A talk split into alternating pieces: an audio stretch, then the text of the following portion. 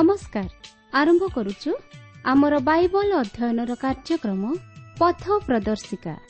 ପବିତ୍ର ବାଇବଲ କହେ ଯଦି ଆମ୍ଭେମାନେ ଆପଣା ଆପଣା ପାପ ସ୍ୱୀକାର କରୁ ତେବେ ସେ ଆମ୍ଭମାନଙ୍କର ପାପ କ୍ଷମା କରିବାକୁ ଓ ସମସ୍ତ ଅଧର୍ମରୁ ଆମ୍ଭମାନଙ୍କୁ ପରିଷ୍କାର କରିବାକୁ ବିଶ୍ୱସ୍ତ ଓ ନ୍ୟାୟବାନ ଅଟନ୍ତି। ଆସନ୍ତୁ ସେହି ଉଦ୍ଧାରକର୍ତ୍ତାଙ୍କର ପରିଚୟ ପାଇବା ନିମନ୍ତେ ଶୁଣିବା ବେତାର କାର୍ଯ୍ୟକ୍ରମ ପଥ ପ୍ରଦର୍ଶିକା।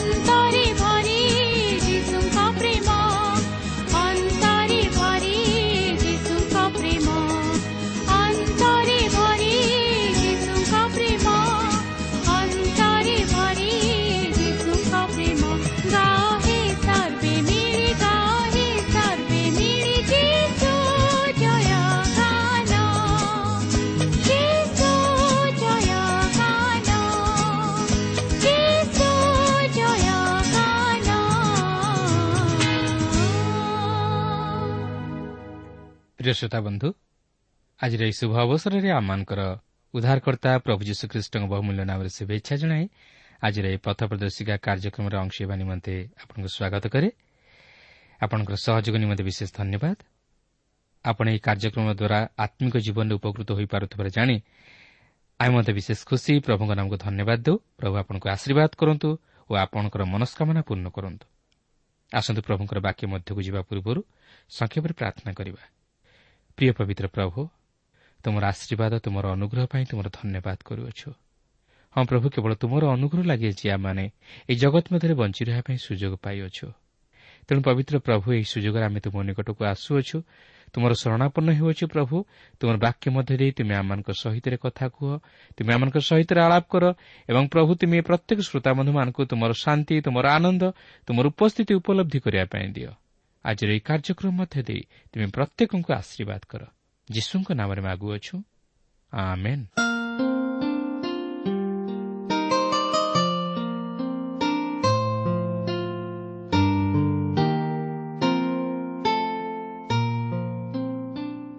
ଆସନ୍ତୁ ବର୍ତ୍ତମାନ ଆମେ ପ୍ରଭୁଙ୍କର ବାକ୍ୟ ମଧ୍ୟକୁ ଯିବା।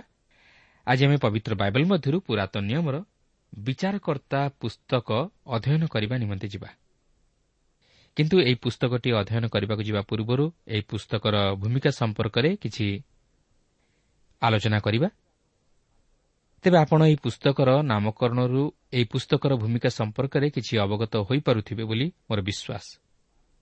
କାରଣ ବାର ଜଣ ପୁରୁଷ ଓ ଜଣେ ସ୍ତ୍ରୀ ବିଚାରକର୍ତ୍ତାଙ୍କୁ ନେଇ ଏହି ପୁସ୍ତକର ନାମକରଣ କରାଯାଇଅଛି ବିଚାରକର୍ତ୍ତା ପୁସ୍ତକ। କାରଣ ଝିଅଶିଓଙ୍କର ମୃତ୍ୟୁର ପରବର୍ତ୍ତୀ ସମୟଠାରୁ ସାମୁଏଲ୍ ଭବିଷ୍ୟତ ବକ୍ତାଙ୍କ ପର୍ଯ୍ୟନ୍ତ ଇସ୍ରାଏଲ୍ ବଂଶ ମଧ୍ୟରେ କୌଣସି ରାଜା ନଥିଲେ କିଓବା ମୋସା ଓ ଝିଅଶିଓଙ୍କ ପରି କୌଣସି ନେତା ନଥିଲେ। ମାତ୍ର କେବଳ ବିଚାରକର୍ତ୍ତାମାନେ ଥିଲେ ଯେଉଁମାନେ କି ଇସ୍ରାଏଲ୍ର ବିଚାର କରୁଥିଲେ ଓ ଏହି ସମୟରେ ଇସ୍ରାଏଲ୍ ଅନେକ ଉତ୍ଥାନ ଓ ପତନର ମଧ୍ୟ ଦେଇ ଗତି କରିଥିଲେ। ଓ ଏହି ବିଚାରକର୍ତ୍ତାମାନଙ୍କ ଦ୍ୱାରା ଈଶ୍ୱର ସେମାନଙ୍କୁ ଶତ୍ରୁର ହସ୍ତରୁ ମୁକ୍ତ କରୁଥିଲେ।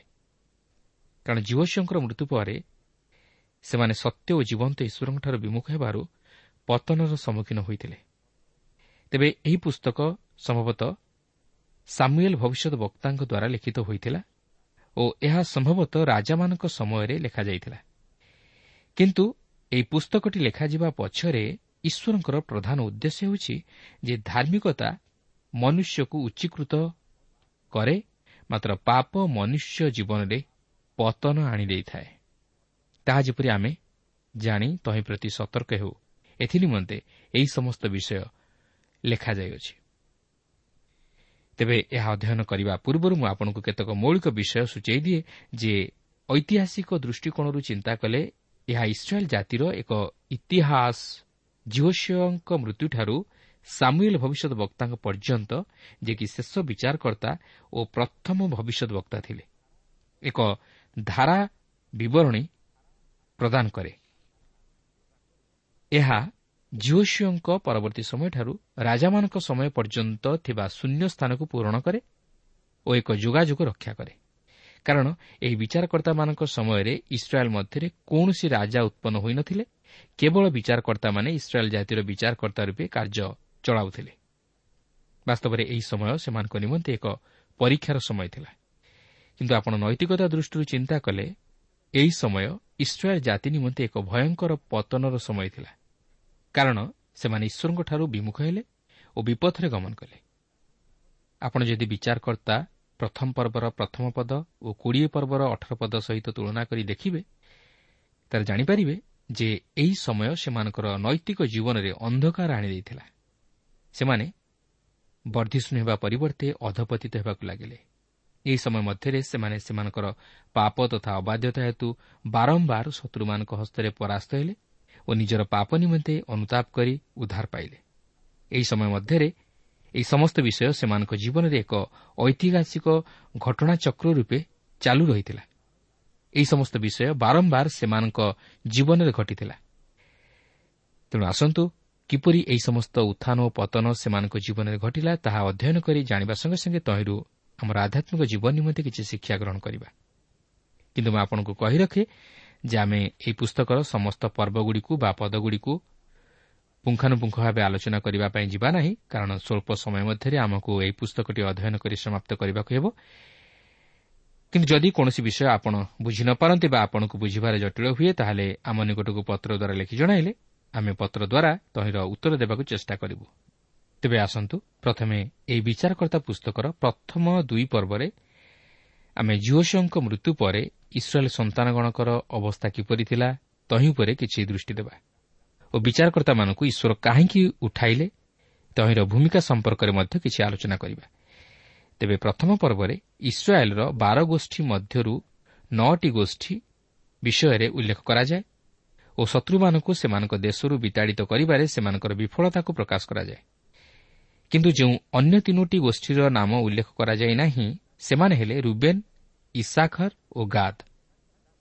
ଯାହା ଜଣାଯାଏ ସେମାନେ ମଧ୍ୟ ବିଫଳ ହୋଇଥିଲେ। କାରଣ ପ୍ରତ୍ୟେକ ଗୋଷ୍ଠୀ ଏକ ଏକ ନିର୍ଦ୍ଦିଷ୍ଟ ଶତ୍ରୁମାନଙ୍କର ସମ୍ମୁଖାସମ୍ମୁଖୀ ହୋଇ ଯୁଦ୍ଧ କରୁଥିଲେ। କିନ୍ତୁ ଆପଣ ଦେଖନ୍ତୁ ସେହି ଗୋଷ୍ଠୀମାନଙ୍କର ଦୁର୍ବଳତା ପ୍ରଥମେ ପ୍ରଥମ ପର୍ବର ପ୍ରଥମ ତିନି ପଦରେ ପ୍ରକାଶ ପାଏ ଯେଉଁଠାରେ କି ଜିହୁଦା ଆପଣା ଭ୍ରାତା ସିମିଓନ୍ଠାରୁ ଯୁଦ୍ଧ କରିବା ନିମନ୍ତେ ସାହାଯ୍ୟ ଆଶା କରୁଅଛି। ଦେଖନ୍ତୁ ପ୍ରଥମ ପର୍ବର ପ୍ରଥମ ତିନି ପଦ ଏହିପରି ଲେଖା ଅଛି। ଝିଅଶିଓଙ୍କର ମୃତ୍ୟୁ ଉତ୍ତାରେ ଇସ୍ରାଏଲ୍ ସନ୍ତାନଗଣ ସଦାପ୍ରଭୁଙ୍କୁ ପଚାରିଲେ କିଣାନୀୟମାନଙ୍କ ପ୍ରତିକୂଳରେ ଆମମାନଙ୍କ ପାଇଁ ଯୁଦ୍ଧ କରିବାକୁ କିଏ ପ୍ରଥମେ ଯିବ? ତ ସଦାପ୍ରଭୁ କହିଲେ ଜିହୁଦା ଯିବ। ଦେଖ ଆମ୍ଭେ ତାହା ହସ୍ତରେ ସେହି ଦେଶ ସମର୍ପଣ କରିଅଛୁ ତାହେଲେ ଜିହୁଦା ଆପଣା ଭ୍ରାତା ସିମିଓନ୍କୁ କହିଲା ଗୁଲିବାଣ୍ଟ କ୍ରମେ ନିରୂପିତ ଆମ୍ଭ ଭାଗକୁ ଆସ ଆମେମାନେ କିଣାନୀୟମାନଙ୍କ ପ୍ରତିକୂଳରେ ଯୁଦ୍ଧ କରିବା। ପୁଣି ଆମେ ମଧ୍ୟ ତୁମ ସଙ୍ଗେ ତୁମ ଭାଗକୁ ଯିବା। ତାହେଲେ ସିମିଓନ୍ ତାହା ସଙ୍ଗେ ଗଲା। ଏଠାରେ ଆପଣ ଲକ୍ଷ୍ୟ କରିବେ ସେମାନଙ୍କ ମଧ୍ୟରେ ଦୁର୍ବଳତା। ସେମାନେ କହୁଛନ୍ତି କିଣାନୀୟମାନଙ୍କ ବିରୁଦ୍ଧରେ ଉଠି ଯୁଦ୍ଧ କରିବାକୁ କିଏ ଯିବ? ଅର୍ଥାତ୍ ସେମାନେ ଈଶ୍ୱରଙ୍କଠାରେ ନିର୍ଭର ରଖି ନ ଥିବାରୁ ଭୟ କରୁଅଛନ୍ତି। ମାତ୍ର ଈଶ୍ୱର କହନ୍ତି ଜିହୁଦା ଯିବ।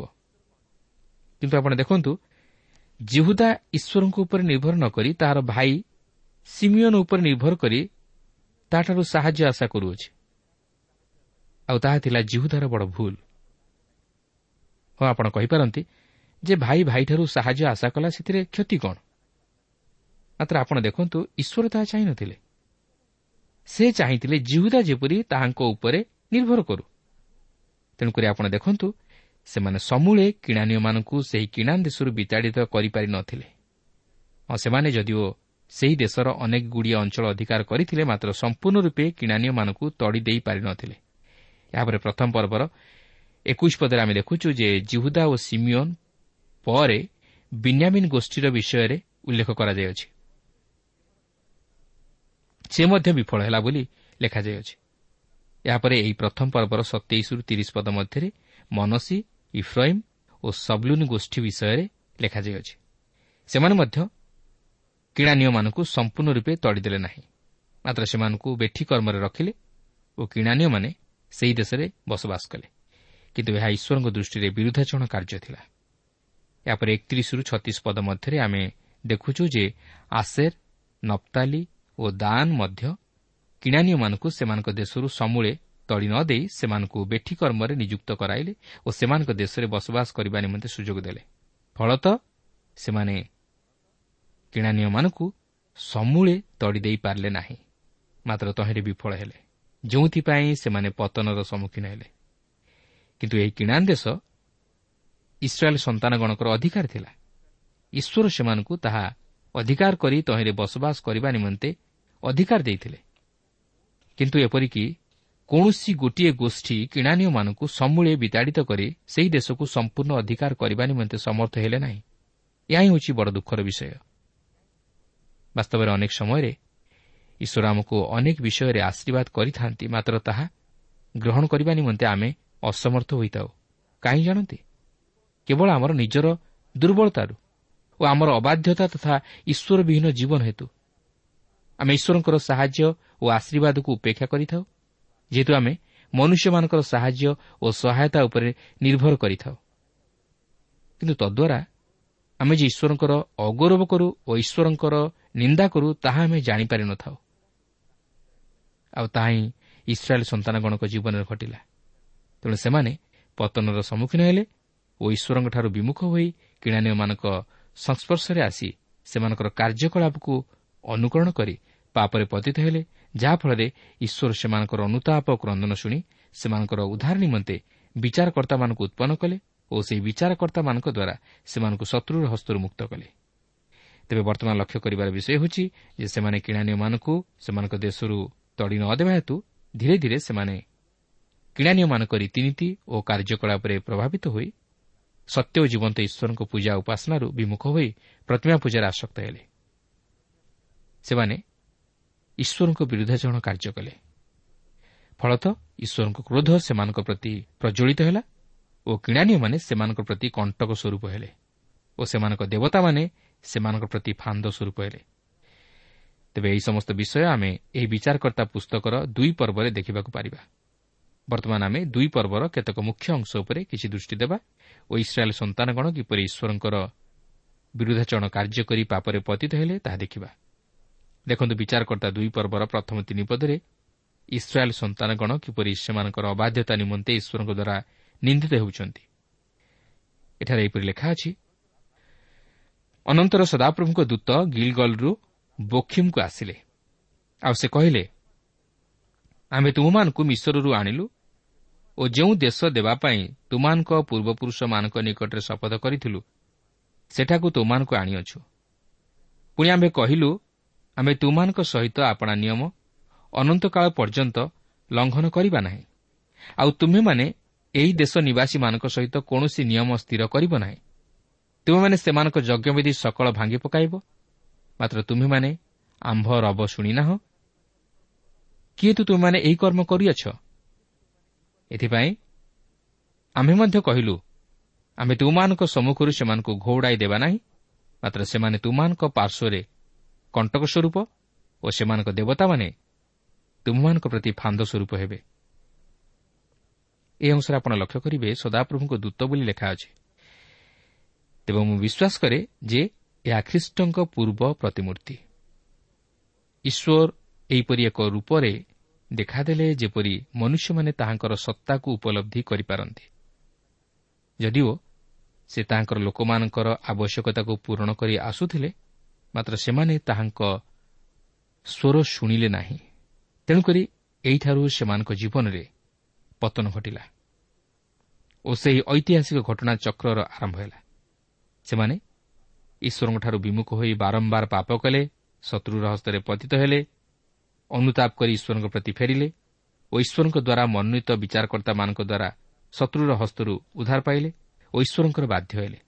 ଏହା ବାରମ୍ବାର ସେମାନଙ୍କ ଜୀବନରେ ଏକ ଐତିହାସିକ ଘଟଣା ଚକ୍ର ରୂପେ ଲାଗି ରହିଲା।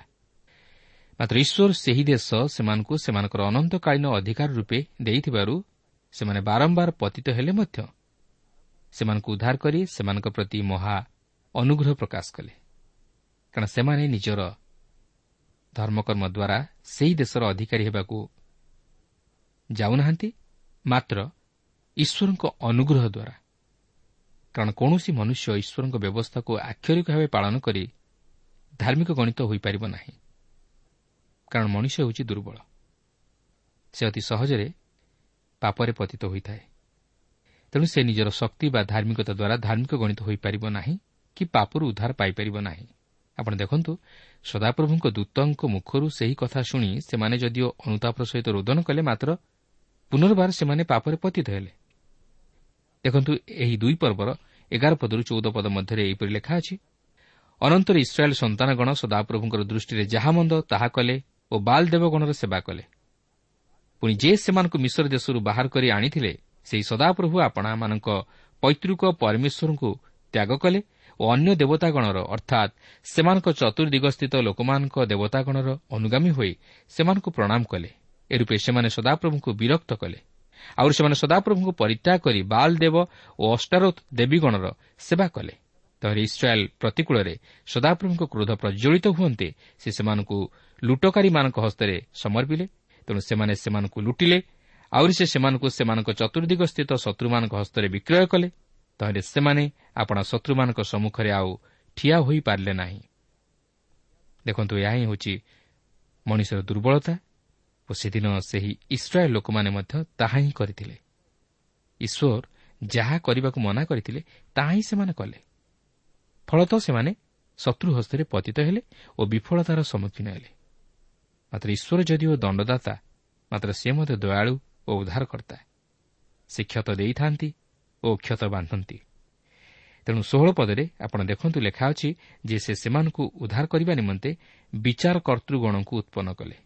ଷୋହଳ ପଦରେ ଲେଖା ଅଛି ତେଣୁ ସଦାପ୍ରଭୁ ବିଚାର କର୍ତ୍ତୃଗଣକୁ ଉତ୍ପନ୍ନ କରି ଲୁଟକାରୀମାନଙ୍କ ହସ୍ତରୁ ସେମାନଙ୍କୁ ଉଦ୍ଧାର କଲେ। ଏଠାରେ ଆପଣ ଲକ୍ଷ୍ୟ କରିପାରୁଥିବେ ଯେ ଏଇଥିପାଇଁ ଈଶ୍ୱର ବିଚାର କର୍ତ୍ତୃଗଣକୁ ଉତ୍ପନ୍ନ କରିଥିଲେ ଯେପରି ତାଙ୍କର ମନୋନୀତ ଜାତି ଇସ୍ରାଏଲ୍ ଶତ୍ରୁ ହସ୍ତରୁ ଉଦ୍ଧାର ପାଆନ୍ତି। ତେବେ ସେହି ବିଚାରକର୍ତ୍ତାମାନେ କିଏ ଓ କିପରି ଇସ୍ରାଏଲ୍ ଲୋକମାନଙ୍କୁ ଶତ୍ରୁ ହସ୍ତରୁ ଉଦ୍ଧାର କଲେ ତାହା ଆମେ ପରବର୍ତ୍ତୀ କାର୍ଯ୍ୟକ୍ରମରେ ଦେଖିବାକୁ ପାରିବା। ମାତ୍ର ଏଠାରେ ଲକ୍ଷ୍ୟ କରିବାର ବିଷୟ ହେଉଛି ଯେ ଈଶ୍ୱର ଯଦିଓ ସେମାନଙ୍କୁ ଉଦ୍ଧାର କରିବା ପାଇଁ ବିଚାର କର୍ତ୍ତୃଗଣକୁ ଉତ୍ପନ୍ନ କଲେ ମାତ୍ର ସେମାନେ ବାରମ୍ବାର ଈଶ୍ୱରଙ୍କର ଅବାଧ୍ୟ ହୋଇ ପାପରେ ପତିତ ହେଲେ ଓ ଈଶ୍ୱର ତାହାଙ୍କର ପ୍ରତିଜ୍ଞାକୁ ସ୍ମରଣ କରି ଓ ତାହା ରକ୍ଷା କରିବାକୁ ଯାଇ ସେମାନଙ୍କର ଅନୁତାପ ଓ କ୍ରନ୍ଦନ ଶୁଣି ଅନୁଗ୍ରହରେ ସେମାନଙ୍କୁ ଉଦ୍ଧାର କଲେ। ଯାହାକି ଆପଣ ଏହି ଦୁଇ ପର୍ବର ସତର ପଦରୁ ତେଇଶ ପଦ ମଧ୍ୟରେ ପାଠ କଲେ ଜାଣିପାରିବେ। ତେବେ ତାହା ବର୍ତ୍ତମାନ ମୁଁ ଆଉ ପାଠ କରିବା ପାଇଁ ଯାଉନାହିଁ। ମାତ୍ର ଆପଣ ଆପଣଙ୍କର ବ୍ୟକ୍ତିଗତ ବାଇବଲ ଅଧ୍ୟୟନ ସମୟରେ ତାହା ପାଠ କରିନେବେ।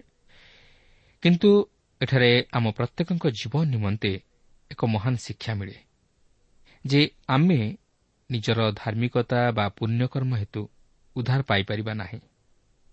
କିମ୍ବା ଈଶ୍ୱରଙ୍କ ବ୍ୟବସ୍ଥାକୁ ଆକ୍ଷରିକ ଭାବେ ପାଳନ କରି ଧାର୍ମିକ ଗଣିତ ହୋଇପାରିବା ନାହିଁ। କାରଣ ଆମେ ଦୁର୍ବଳ ମନୁଷ୍ୟ। ସେଦିନ ଇସ୍ରାଏଲ୍ ସନ୍ତାନଗଣଙ୍କ ଜୀବନରେ ଯାହା ଯାହା ଘଟିଲା ତାହା ଆଜି ମଧ୍ୟ ଆମମାନଙ୍କ ଜୀବନରେ ଘଟିବା ସ୍ୱାଭାବିକ। କିନ୍ତୁ ଆମେ ଯଦି ନିଜର ପାପ ନିମନ୍ତେ ଅନୁତାପ କରି ପ୍ରଭୁ ଯୀଶୁଖ୍ରୀଷ୍ଟଙ୍କଠାରେ ତାହା ସ୍ୱୀକାର କରୁ ତାହେଲେ ସେ ଆମକୁ ପାପରୁ ଉଦ୍ଧାର କରି ସେହି ଅନନ୍ତ ଜୀବନର ଅଧିକାରୀ କରାଇବେ। କାରଣ ଈଶ୍ୱର ଆମର ଉଦ୍ଧାର ନିମନ୍ତେ ତାହାଙ୍କର ଅଦ୍ୱିତୀୟ ପ୍ରିୟ ପୁତ୍ର ପ୍ରଭୁ ଯୀଶୁଖ୍ରୀଷ୍ଟଙ୍କୁ ଏହି ଜଗତକୁ ପଠାଇ ଆମମାନଙ୍କ ନିମନ୍ତେ ସେହି ଉଦ୍ଧାରର ପଥ ପ୍ରସ୍ତୁତ କରିଅଛନ୍ତି। ଯେ କି ସମଗ୍ର ଜଗତର ମାନବ ଜାତି ନିମନ୍ତେ କୃଷରେ ପ୍ରାୟଶ୍ଚିତ ସାଧନ କରି ତାହାଙ୍କର ସେହି ପବିତ୍ର ରକ୍ତ ଦାନ କରିଅଛନ୍ତି। ତେଣୁ ଆପଣ ଯେ କେହି ହୁଅନ୍ତୁ ନା କାହିଁକି ଯେତେ ବଡ଼ ପାପ କରିଥାନ୍ତୁ ନା କାହିଁକି? ସେହି ପ୍ରଭୁ ଯୀଶୁ ଆଜି ଆପଣଙ୍କୁ ଉଦ୍ଧାର କରିବାକୁ ପ୍ରସ୍ତୁତ ଅଛନ୍ତି। ମାତ୍ର ଆପଣ ଅନୁତପ୍ତ ହୃଦୟ ସହିତ ତାହାଙ୍କ ନିକଟକୁ ଗଲେ ଓ ତାହାଙ୍କଠାରେ ନିଜର ସମସ୍ତ ପାପ ସ୍ୱୀକାର କଲେ ସେ ଆପଣଙ୍କୁ ଉଦ୍ଧାର କରି ସେହି ପରିତ୍ରାଣର ଅଧିକାରୀ କରାଇବେ ଓ ଆପଣ ସତ୍ୟ ଓ ଜୀବନ୍ତ ଈଶ୍ୱରଙ୍କର ସହଭାଗିତା ଲାଭ କରି ଅନନ୍ତ ଜୀବନ ଲାଭ କରିପାରିବେ। ତେଣୁ ପ୍ରିୟ ବନ୍ଧୁ ମୋର ଅନୁରୋଧ ଆପଣ ଏହି କାର୍ଯ୍ୟକ୍ରମ ଶୁଣିବା ସଙ୍ଗେ ସଙ୍ଗେ ନିଜର ଜୀବନକୁ ଦେଖନ୍ତୁ ନିଜର ଜୀବନକୁ ସମୀକ୍ଷା କରନ୍ତୁ ଯେ ମୋ ଜୀବନରେ କ'ଣ ପାପ ଅଛି କି? ମୁଁ କ'ଣ ପାପ କରି ଈଶ୍ୱରଙ୍କଠାରୁ ଦୂରବର୍ତ୍ତୀ ଜୀବନଯାପନ କରୁଅଛି କି? ମୁଁ କ'ଣ ଏପରି ଏକ ପାପ କରିଅଛି ଯାହାକି ବାରମ୍ବାର ମୋତେ ଆଘାତ ଦେଉଅଛି? ମୋ ଜୀବନରୁ ଶାନ୍ତି ହରଣ କରିନେଉଛି ଯଦି ସେ ପ୍ରକାର ପାପ ଆପଣ କରିଅଛନ୍ତି ତାହେଲେ ନିରାଶ ହୁଅନ୍ତୁ ନାହିଁ ବା ହତାଶ ହୁଅନ୍ତୁ ନାହିଁ ବା ଭାଙ୍ଗି ପଡ଼ନ୍ତୁ ନାହିଁ। ମାତ୍ର ପ୍ରଭୁ ଯୀଶୁ ଖ୍ରୀଷ୍ଟଙ୍କଠାରେ ବିଶ୍ୱାସ କରି ନିଜର ପାପ ନିମନ୍ତେ ଅନୁତାପ କରି ସେହି ପାପ ସବୁ ପ୍ରଭୁ ଯୀଶୁଙ୍କର କୃଷ ନିକଟରେ ସ୍ୱୀକାର କରନ୍ତୁ କ୍ଷମା ମାଗନ୍ତୁ ଆଉ ସେହି ପାପରୁ ପୃଥକୀକୃତ ଜୀବନଯାପନ କରନ୍ତୁ। ତାହେଲେ ସେହି ପ୍ରଭୁ ଯୀଶୁ ଆପଣଙ୍କୁ ପାପରୁ ଉଦ୍ଧାର କରି ସେହି ଅନନ୍ତ ଜୀବନର ଅଧିକାରୀ କରାଇବେ। ସେ ଆପଣଙ୍କୁ ବାସ୍ତବ ଶାନ୍ତି ଆନନ୍ଦ ଦେବେ। ସେ ଆପଣଙ୍କୁ ସୁରକ୍ଷା ଦେବେ। ସେ ଆପଣଙ୍କୁ ବିଶ୍ରାମ ଦେବେ। ହଁ ମଣିଷ ଜୀବନରେ ଭୁଲ ହୋଇପାରେ। ମନୁଷ୍ୟ ପାପ କରିପାରେ। ମନୁଷ୍ୟ ବାରମ୍ବାର ପାପରେ ପତିତ ହୋଇପାରେ। ମାତ୍ର ସେ ଯଦି ଅନୁତାପ କରେ ପ୍ରଭୁ ଯୀଶୁଙ୍କ ନିକଟକୁ ଫେରିଆସେ ତାହେଲେ ସେ ତାହାକୁ ଉଦ୍ଧାର କରିବେ। ସେ ତାହାକୁ ସୁରକ୍ଷା ଦେବେ। ସେ କେବେ ହେଲେ ତାହାକୁ ପାପରେ ବିନଷ୍ଟ ହେବା ପାଇଁ ଦେବେ ନାହିଁ। କିନ୍ତୁ ଆମେ ଯଦି ଜାଣି ଜାଣି ପାପ ଉପରେ ପାପ କରି ପାପରେ ଲିପ୍ତ ରହୁ। ତାହେଲେ ଆମେ କେବେ ହେଲେ ଜୀବନରେ ଶାନ୍ତି ପାଇପାରିବା ନାହିଁ? କି ସେହି ପରିଚାଳନାର ଅଧିକାରୀ ହୋଇପାରିବା ନାହିଁ। ତେଣୁ ଆସୁ। ନିଜର ଜୀବନକୁ ସେହି ପ୍ରଭୁ ଯୀଶୁଙ୍କଠାରେ ସ୍ୱୀକାର କରି ନିଜର ପାପ ନିମନ୍ତେ ଅନୁତାପ କରି ସ୍ୱୀକାର କରି କ୍ଷମା ମାଗି ସେହି ପାପରୁ ପୃଥକୀକୃତ ଜୀବନଯାପନ କରିବା ପାଇଁ ଚେଷ୍ଟା କରୁ ତାହେଲେ ଆମେ ଈଶ୍ୱରଙ୍କର ଆଶୀର୍ବାଦର ଅଧିକାରୀ ହୋଇ ସେ ଅନନ୍ତ ଜୀବନରେ ପ୍ରବେଶ କରି ଅନନ୍ତ ସୁଖ ଓ ଶାନ୍ତି ଉପଭୋଗ କରିପାରିବା। ପ୍ରଭୁ ପ୍ରତ୍ୟେକଙ୍କୁ ଆଶୀର୍ବାଦ କରନ୍ତୁ।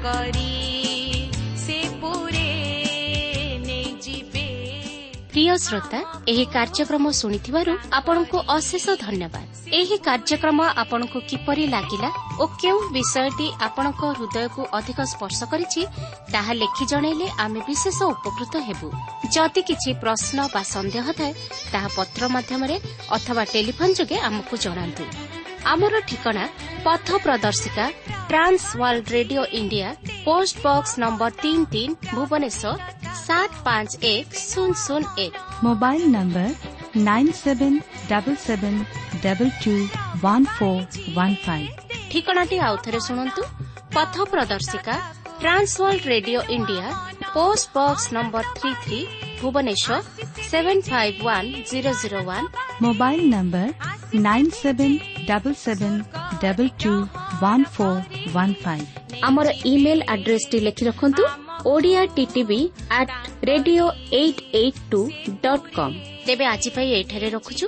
ନମସ୍କାର। ଆମକୁ ତାଙ୍କରି